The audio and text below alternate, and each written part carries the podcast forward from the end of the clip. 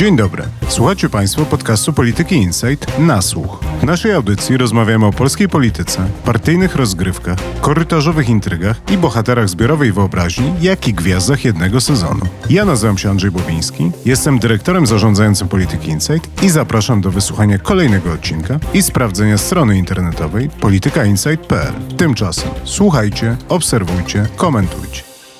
Jest środa 6 października. W sobotę, 9 października, odbędzie się Kongres Zjednoczeniowy Nowej Lewicy. Tego dnia dokona się proces połączenia lewicy, czyli dawnego SLD, z wiosną. Dziś zapytam Ryszarda Łuczyna, o co chodzi z tym połączeniem i czy zakończy ono długą i wyczerpującą awanturę, którą obserwujemy w mediach i debacie publicznej. Porozmawiamy też o głębszych problemach lewicy i poszukiwaniach tożsamości przez formacje ją tworzące. Zapraszam na nasłuch. Ryszard, to może na początek wytłumacz mi proszę, jak dziewięcioletniemu dziecku, o co chodzi z tym statutem, z tymi frakcjami, z tym całym sztafarzem instytucjonalnym, na którym Nowa Lewica zamierza zbudować swoją przyszłość. Jak się znaleźliśmy w tym miejscu i kto to wszystko wymyślił? W zasadzie twoje pytanie jest pytaniem o historię połączenia, która zaczęła się w 2019 roku od decyzji Grzegorza Schetyny, że w Koalicji Obywatelskiej nie chce mieć SLD. W związku z tym Włodzimierz Czaszasty poszukał innych sojuszników, którymi stała się wiosna, i Razem, które wcześniej Czarzastego i całego SLD nienawidziło i nikt się nie spodziewał, że zaangażuje się w ten jakże nieoczywisty sojusz. Okazało się, że mimo nieoczywistości sojuszu, ta współpraca wyglądała całkiem nieźle, a kampania wyborcza parlamentarna 2019 roku była niezła i udana, przynosząc lewicy około 12,5% głosów. I jej konsekwencją, w związku z tym, że wiosna okazała się nie mieć poważnej przyszłości jako samodzielny byt polityczny, to konsekwencją tej wspólnej udanej kampanii i niezłej współpracy była decyzja o połączeniu obu partii SLD i właśnie wiosny. W grudniu 19 roku na odbywających się w tym samym czasie konwencjach i nawet w tym samym miejscu wiosna zdecydowała o samorozwiązaniu, a SLD o zmianie statutu, która miała pozwolić na połączenie właśnie z wiosną. I tutaj zaczyna się historia właśnie sztafarzu instytucjonalnego, o którym wspomniałeś, i frakcji. Dlatego, że połączenie wiosny i SLD odbywa się na takiej zasadzie, że politycy rozwiązanej już teraz wiosny weszli do SLD, czy też Nowej Lewicy, jak się już teraz nazywa ta partia, i tworzą własną frakcję. Każda frakcja w ramach Nowej Lewicy są dwie w tym momencie, choć według statutu może być ich więcej każda frakcja ma współprzewodniczącego partii na szczeblu krajowym i na szczeblu wojewódzkim. Do utworzenia takiej frakcji potrzeba 500 osób co najmniej i znaczącej większości w zarządzie partii. Ja muszę się przyznać, że ja nie do końca cały czas jestem w stanie zrozumieć te frakcje. W sensie, jakim cudem frakcja 500-osobowa utworzona z 20 tysięcy działaczy jest równoważna, co frakcja 500-osobowa utworzona z 2000 działaczy wiosny. I jeżeli na przykład ja bym teraz zebrał 500 osób i przyszedł do Czerzastego i Biedronia i powiedział, że chce być trzecią frakcją, to teoretycznie te byłyby trzy frakcje i byłoby trzech współprzewodniczących? Gdybyś zebrało wystarczające poparcie w zarządzie, to tak. A pytanie o to, jakim cudem te frakcje są równoważne, jest bardzo zasadne i było jedną z przyczyn buntu, który widzieliśmy w lecie. Jeśli chodzi o stosunek liczby członków SLD do wiosny, to absolutnie te warunki nie są równe. Natomiast narracja wiosny jest taka, że jeśli chodzi o poparcie, no to te warunki już nie są tak nierówne. To znaczy, że to nie jest tak, że SLD ma znacząco wyższe poparcie niż wiosna, tylko że jest w tym pewien balans i w ten sposób właśnie wiosna broni równorzędności swojej w stosunku do SLD. Ale zarazem rozumiem, że jest tak, że obie frakcje są potrzebne, żeby wybrać tych współprzewodniczących. I tym samym jest tak, że władza Włodzimierza Czerzastego nad swoją frakcją, a Roberta Biedronia nad swoją frakcją polega na tym, że wystarczy, żeby oni nawzajem siebie popierali i tym samym nie da się pokonać ich w wyborach wewnętrznych.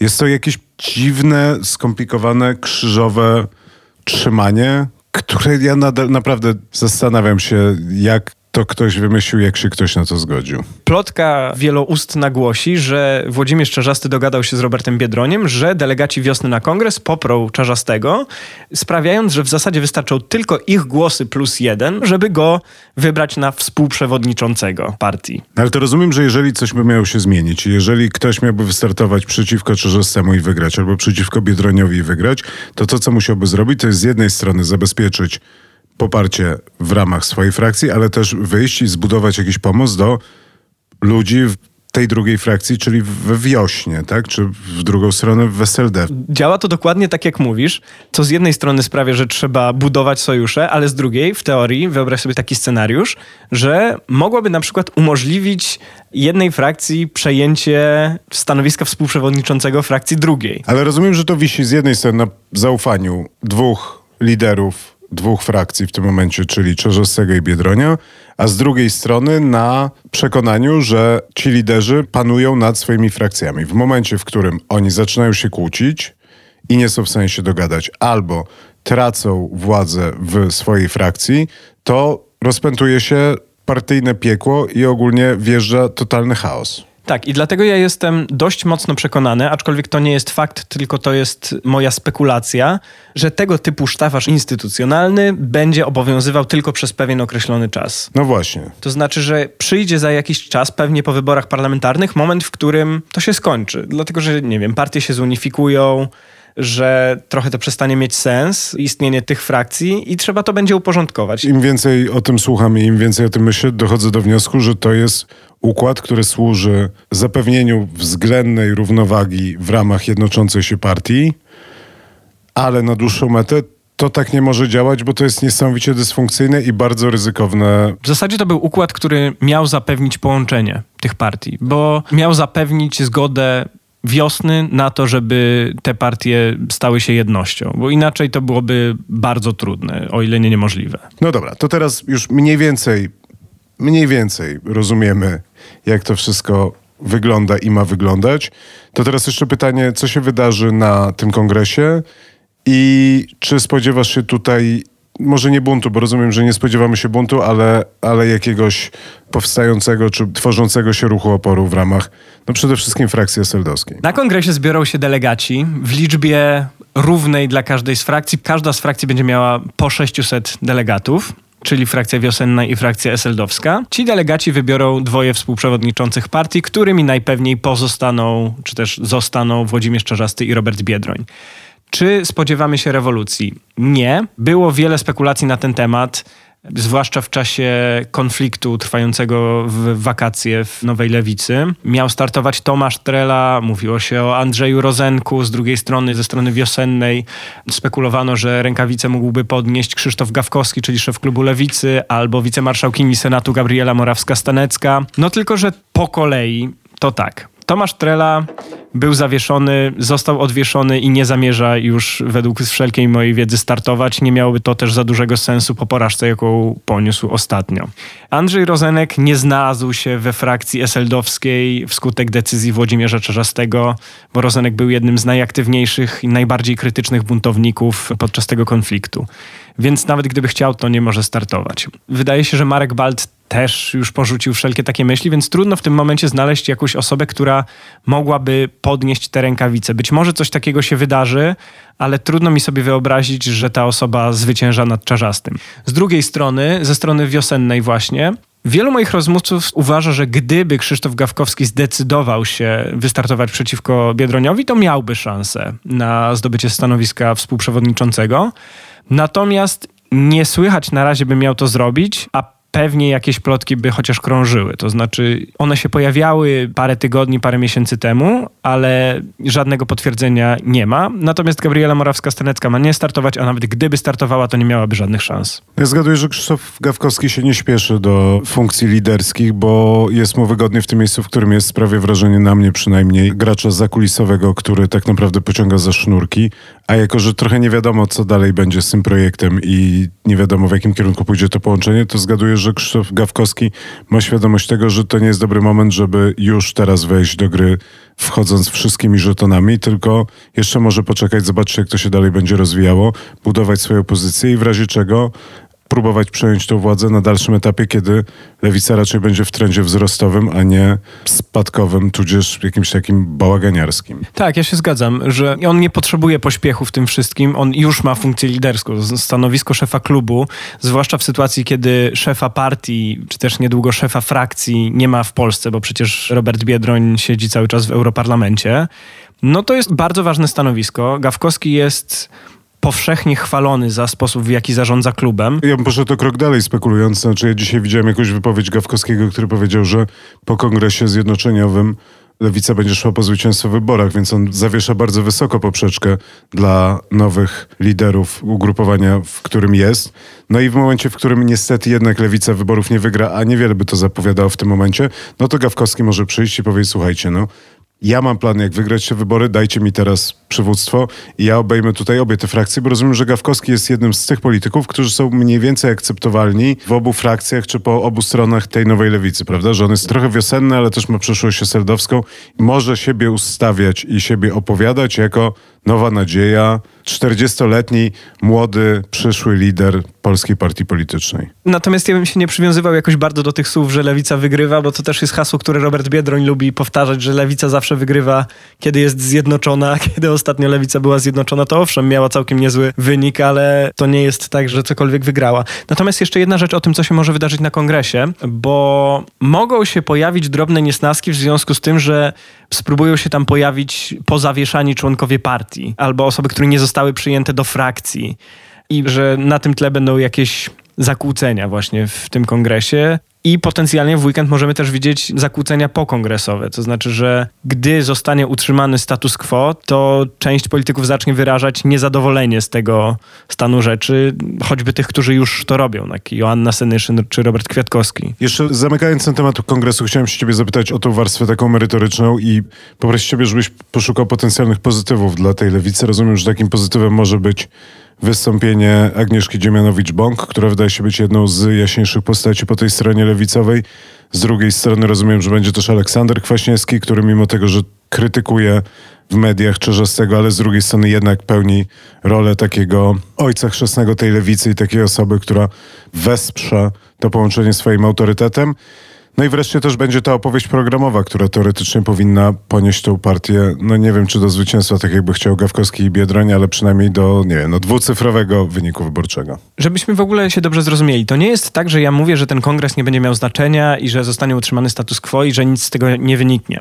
On będzie zakończeniem nieprzyjemnego rozdziału w dziejach nowej lewicy, rozdziału naznaczonego konfliktem i wewnętrznymi walkami, który uniemożliwiał w zasadzie w dużej mierze jakieś takie skierowanie komunikatów na zewnątrz, zajęcie się wreszcie zdobywaniem wyborców, a nie walką frakcyjną wewnątrz partii.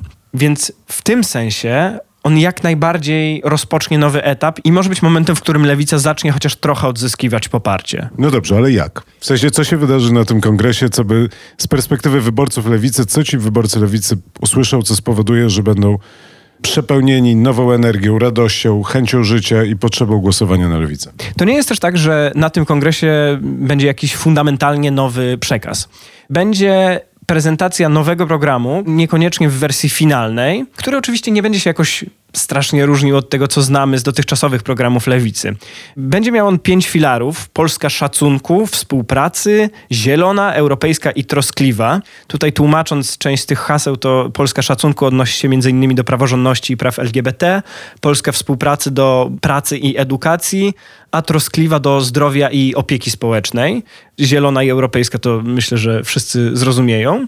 No i właśnie to nie jest tak, że tam będziemy mieli jakieś fundamentalne nowe postulaty. Nie, usłyszymy to, co zwykle, że potrzebę wzmocnienia usług publicznych, potrzebę przywrócenia praworządności, większego zadbania o klimat, ale również o prawa kobiet i prawa osób LGBT, generalnie mniejszości.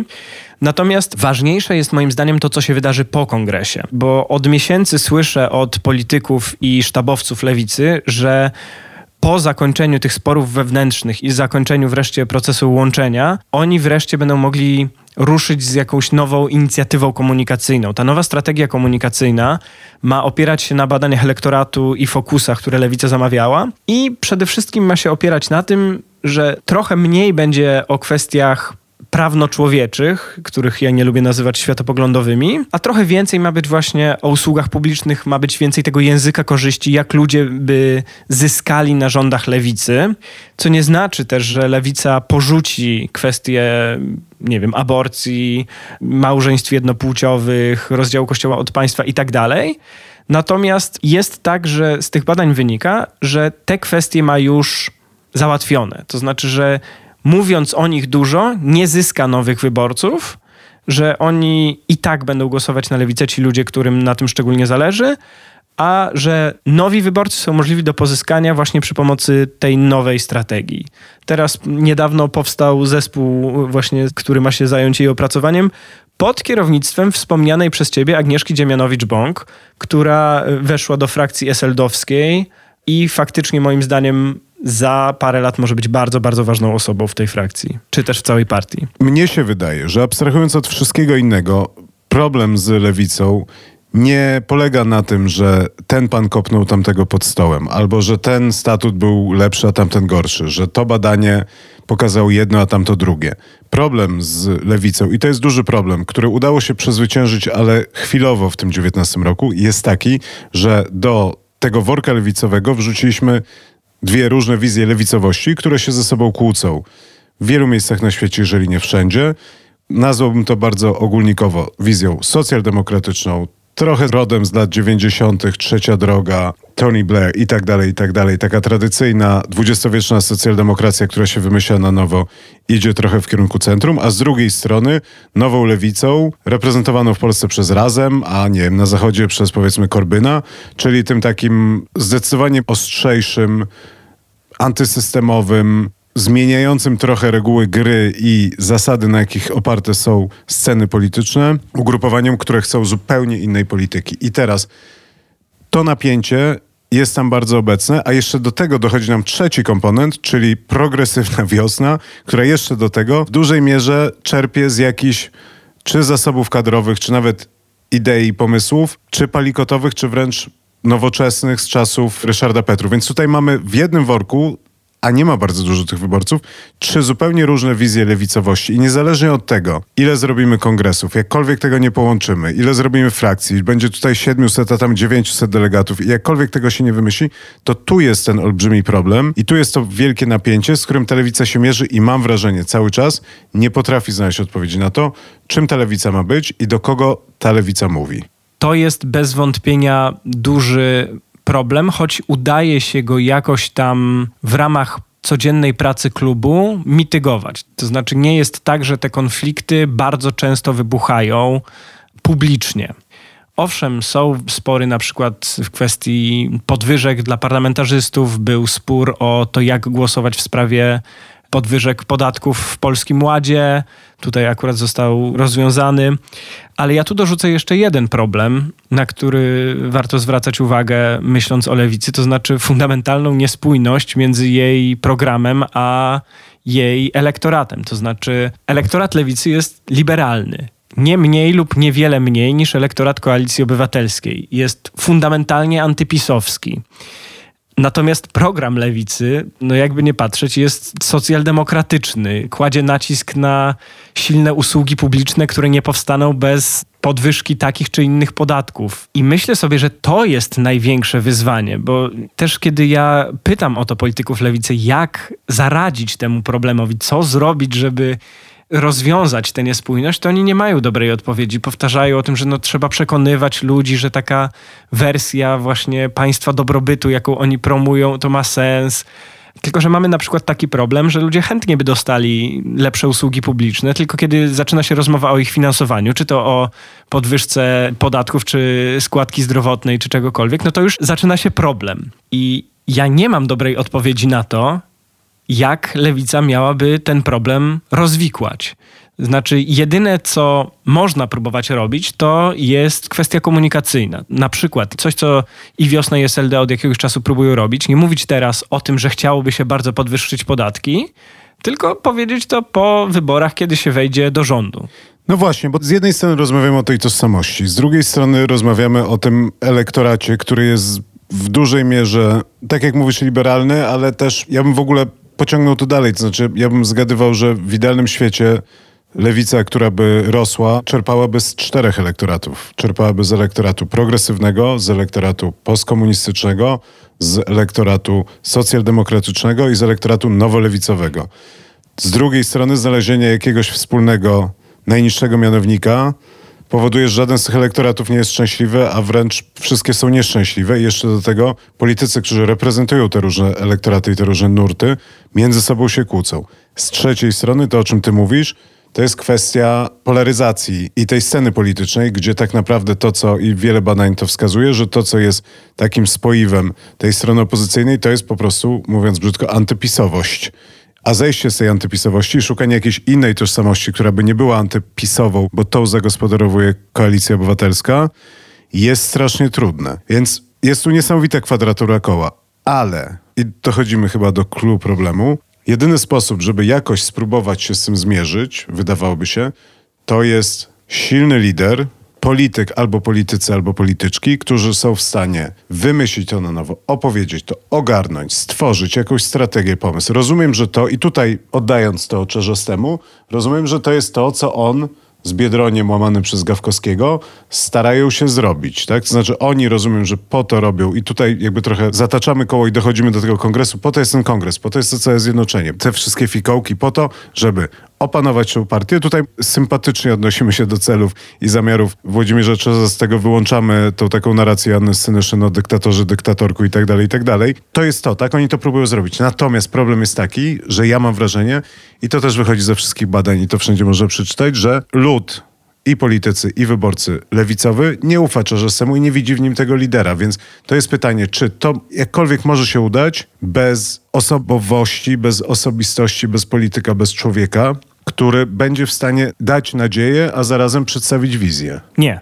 Moim zdaniem nie. To jest bardzo prosta odpowiedź na długawe pytanie, ale to nie tylko lud lewicowy nie ufa Czarzastemu. Generalnie lud nie ufa Czarzastemu. Ja sobie wydrukowałem ostatnie badanie zaufania do polityków Cebosu, według którego Czarzastemu ufa 20% badanych, i lider Nowej Lewicy wyprzedza tylko Przemysława Czarnka i Jacka Sasina, którym ufa po 19%. Świetne towarzystwo. Świetne towarzystwo. Trzeba sobie powiedzieć, że nie jest to jakiś szczególnie imponujący wynik. I moim zdaniem, ale nie tylko moim zdaniem, bo to jest również opinia wielu osób w lewicy, z którymi ja rozmawiam, liderzy lewicy są zgrani. Oni nie przekonują już ludzi. Przepraszam, ale jak Włodzimierz Czarzasty ma jeszcze przekonać ludzi, że to jest nowa nadzieja? On jest może bardzo sprawny w tych rozgrywkach wewnętrznych, czego rozwiązanie ostatniego konfliktu wydaje się dowodzić, ale on już raczej nie poniesie tej lewicy do przodu. Ta formuła trzech liderów, która sprawdziła się w 2019, była czymś fajnym, świeżym, grającym wyborczo. Ale po drodze to się zużyło. Robert Biedroń miał fatalną kampanię prezydencką. Ma cały czas na karku sprawę nieoddania mandatu europarlamentarzysty też nie jest osobą, która jeszcze to jest w stanie ponieść. Adrian Zandberg jest schowany, nikt nie do końca potrafi dobrze wytłumaczyć to, dlaczego jego nie widać, ale no jedni mówią, że work-life balance, drudzy, że on po prostu nie ma takiej osobowości, żeby być drapieżnym, no ale w każdym razie jest schowany i tu jest bardzo duży problem. To znaczy, nie będzie prawdopodobnie zmiany liderów, a jednocześnie politycy i sztabowcy lewicy przyznają, że ci liderzy są problemem. No i tutaj właśnie mamy kwadraturę koła. A w kwestii polaryzacji to ja sobie lubię czasem tak powtarzać, że różne partie opozycyjne, które nie są koalicją obywatelską, są słabe, bo nie są silne. Ciekawa myśl. To jest ciekawa myśl, śmieszny bonmocik, ale ten bonmocik ma sens o tyle, że no to jest właśnie ta istota polaryzacji, że część wyborców głosuje, czy też deklaruje głosowanie na koalicję obywatelską, dlatego że ma ona największe szanse na wygraną z PiSem. Kiedy mieliśmy parę miesięcy temu okres, że Polska 2050 wygrywała z koalicją obywatelską, no to ta część wyborców tam się przeniosła, a potem po powrocie Tuska szybko wróciła do koalicji obywatelskiej. Więc to jest ta premia za bycie silnym, której nie mają partie słabe, bo są słabe. No z drugiej strony ja jestem w stanie sobie wyobrazić, że lewica mogłaby próbować siebie opowiedzieć, aczkolwiek nie wiem na ile by to przeszło im przez gardło, jako po prostu koalicjant koalicji obywatelskiej. To znaczy nie próbować się zmieścić i wejść klinem między opozycję a rząd, tylko powiedzieć, my będziemy tym partnerem, który jest potrzebny, żeby korygować kurs chadecko-ludowy, chlebowo-solny Donalda Tuska z Płońska. Głosujcie na nas po to, żeby równoważyć i pilnować trochę tą Platformę Obywatelską, która z jednej strony miała swoje grzechy, ale z drugiej strony jednak jest lepsza niż to, co widzimy od sześciu lat, czyli PiS. I wydaje mi się, że taki przekaz też, w sensie, że mam poczucie, że my często jak rozmawiamy o tej polaryzacji, to widzimy tezę, antytezę i kogoś, kto próbuje się wbić przez środek i powiedzieć, że nie jest ani jednym, ani drugim.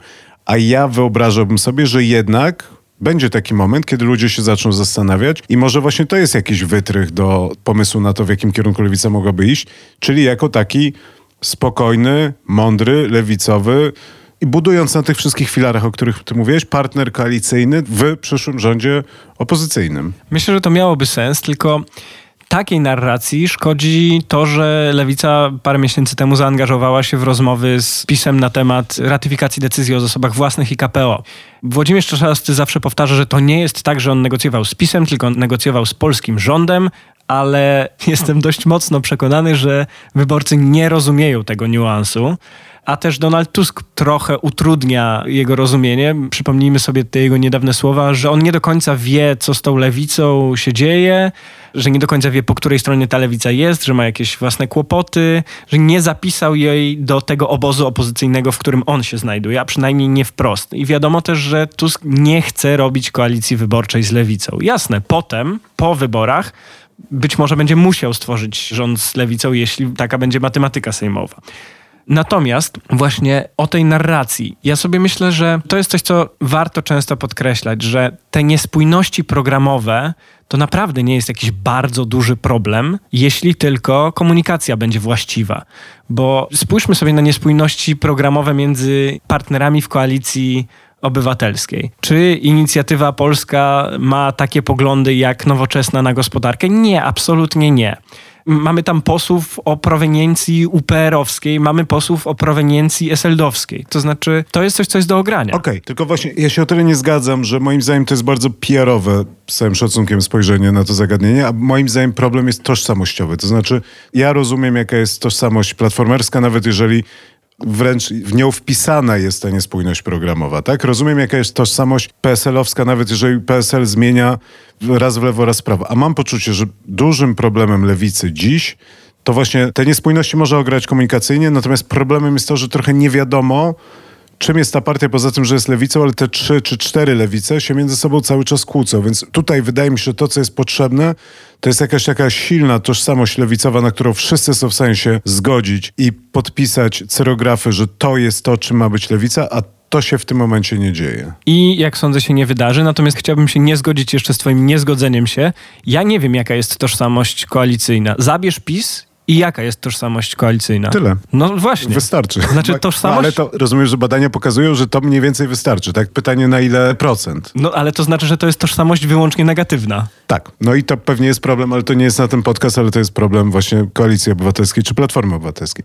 Inny scenariusz. A może jest tak, Ryszard, że to wszystko nie ma sensu. To znaczy może jest tak, że to towarzystwo trzeba rozpędzić, że niech Rozenek z panią Synyszyn i Leszkiem Millerem pójdą do Platformy, połączą się tam, jeżeli Platforma by ich chciała, ale już w to nie wchodźmy, połączą się tam z Katarzyną Piekarską i z Grzegorzem Napieralskim i stworzą dziwne lewicowe skrzydło Koalicji Obywatelskiej, a niech ta lewica się buduje od nowa, jednak niech się zdecyduje na tą tożsamość nowolewicową, niech to razem będzie punktem ciążenia, niech ta lewica pożegna towarzyszy, niech progresywiści poszukają jakiejś swojej obecności albo znowu w innym skrzydle Platformy, albo może u Hołowni, czy na przykład połączą się z zielonymi i może ta lewica musi po prostu być lewicą. Może przyszłością lewicy jest ta nowa lewica i może to powinien być ten kierunek. Czy nie jest tak przypadkiem, że najbardziej atrakcyjnym z perspektywy wyborcy lewicowego kursem jest zaoranie tego, co jest teraz i próba budowy od nowa na bardzo silnej, nowolewicowej agendzie zbudowanej wokół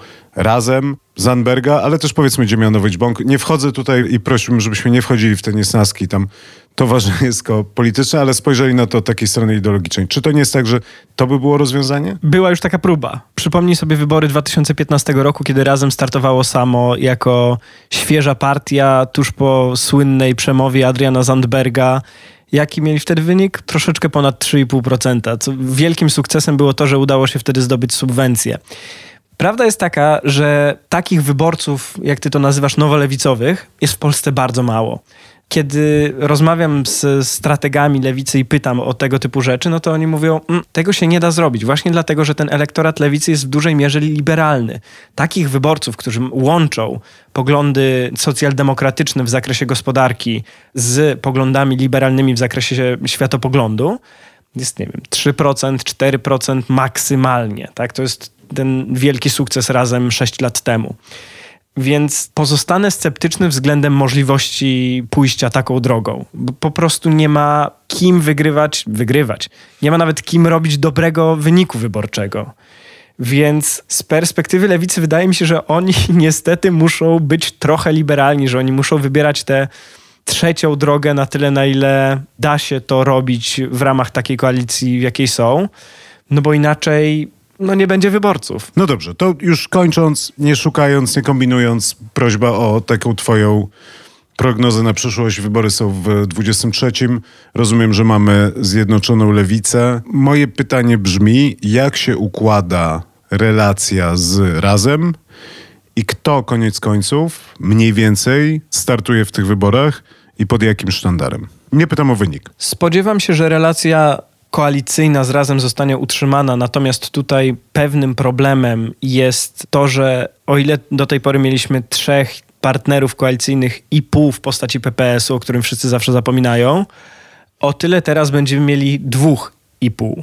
I jak się rozmawia z razemitami, to oni wyrażają pewne obawy o to, że no teraz będą bardzo małym partnerem w porównaniu do silnej nowej lewicy. Natomiast nie sądzę też, żeby pojawiła się próba połknięcia razem, bo ono ma też dość silną tożsamość i próba połknięcia go wywołałaby naprawdę duży konflikt wewnętrzny, który też nie jest temu i całej reszcie potrzebny. To znaczy ta współpraca jakoś się układa, mimo że razem, jak mówię, ma silną tożsamość, ma swoje poglądy i czasem je lubi zaznaczyć na klubie, to że to jakoś tam działa, więc razem będzie tym mniejszym partnerem, ale myślę, że formuła koalicji w klubie, niekoniecznie na listach, zostanie utrzymana, bo koalicja na listach byłaby pewnie niebezpieczna, dlatego też jej nie było w 19 roku.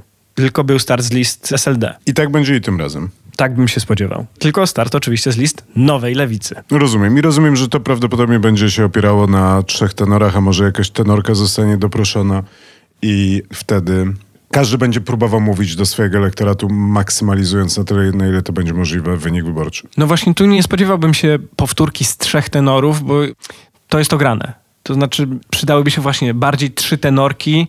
Elektorat lewicy, z tego co słyszę, dość dobrze reaguje na posłanki właśnie młode typu Agnieszka Dziemianowicz-Bąk, Magda Biejat, w SLD trochę trudniej znaleźć takie mocno przebijające się postaci, no ale że ten elektorat dobrze reaguje i że raczej będzie próba poszukiwania jakiejś nowej formuły, bo jest poczucie, że ta opcja trzech tenorów się już trochę zgrała. I to będziemy obserwować, zobaczymy co się wydarzy na kongresie, zobaczymy co się wydarzy po kongresie, a dalej będziemy się zastanawiać w jakiej formule Lewica jest w stanie sensownie wystartować w wyborach i je wygrać albo zrobić przynajmniej wynik lepszy niż no na pewno Robert Biedroń w wyborach prezydenckich, a może nawet niż Lewica w 2019 roku. Dziękuję bardzo. Dzięki.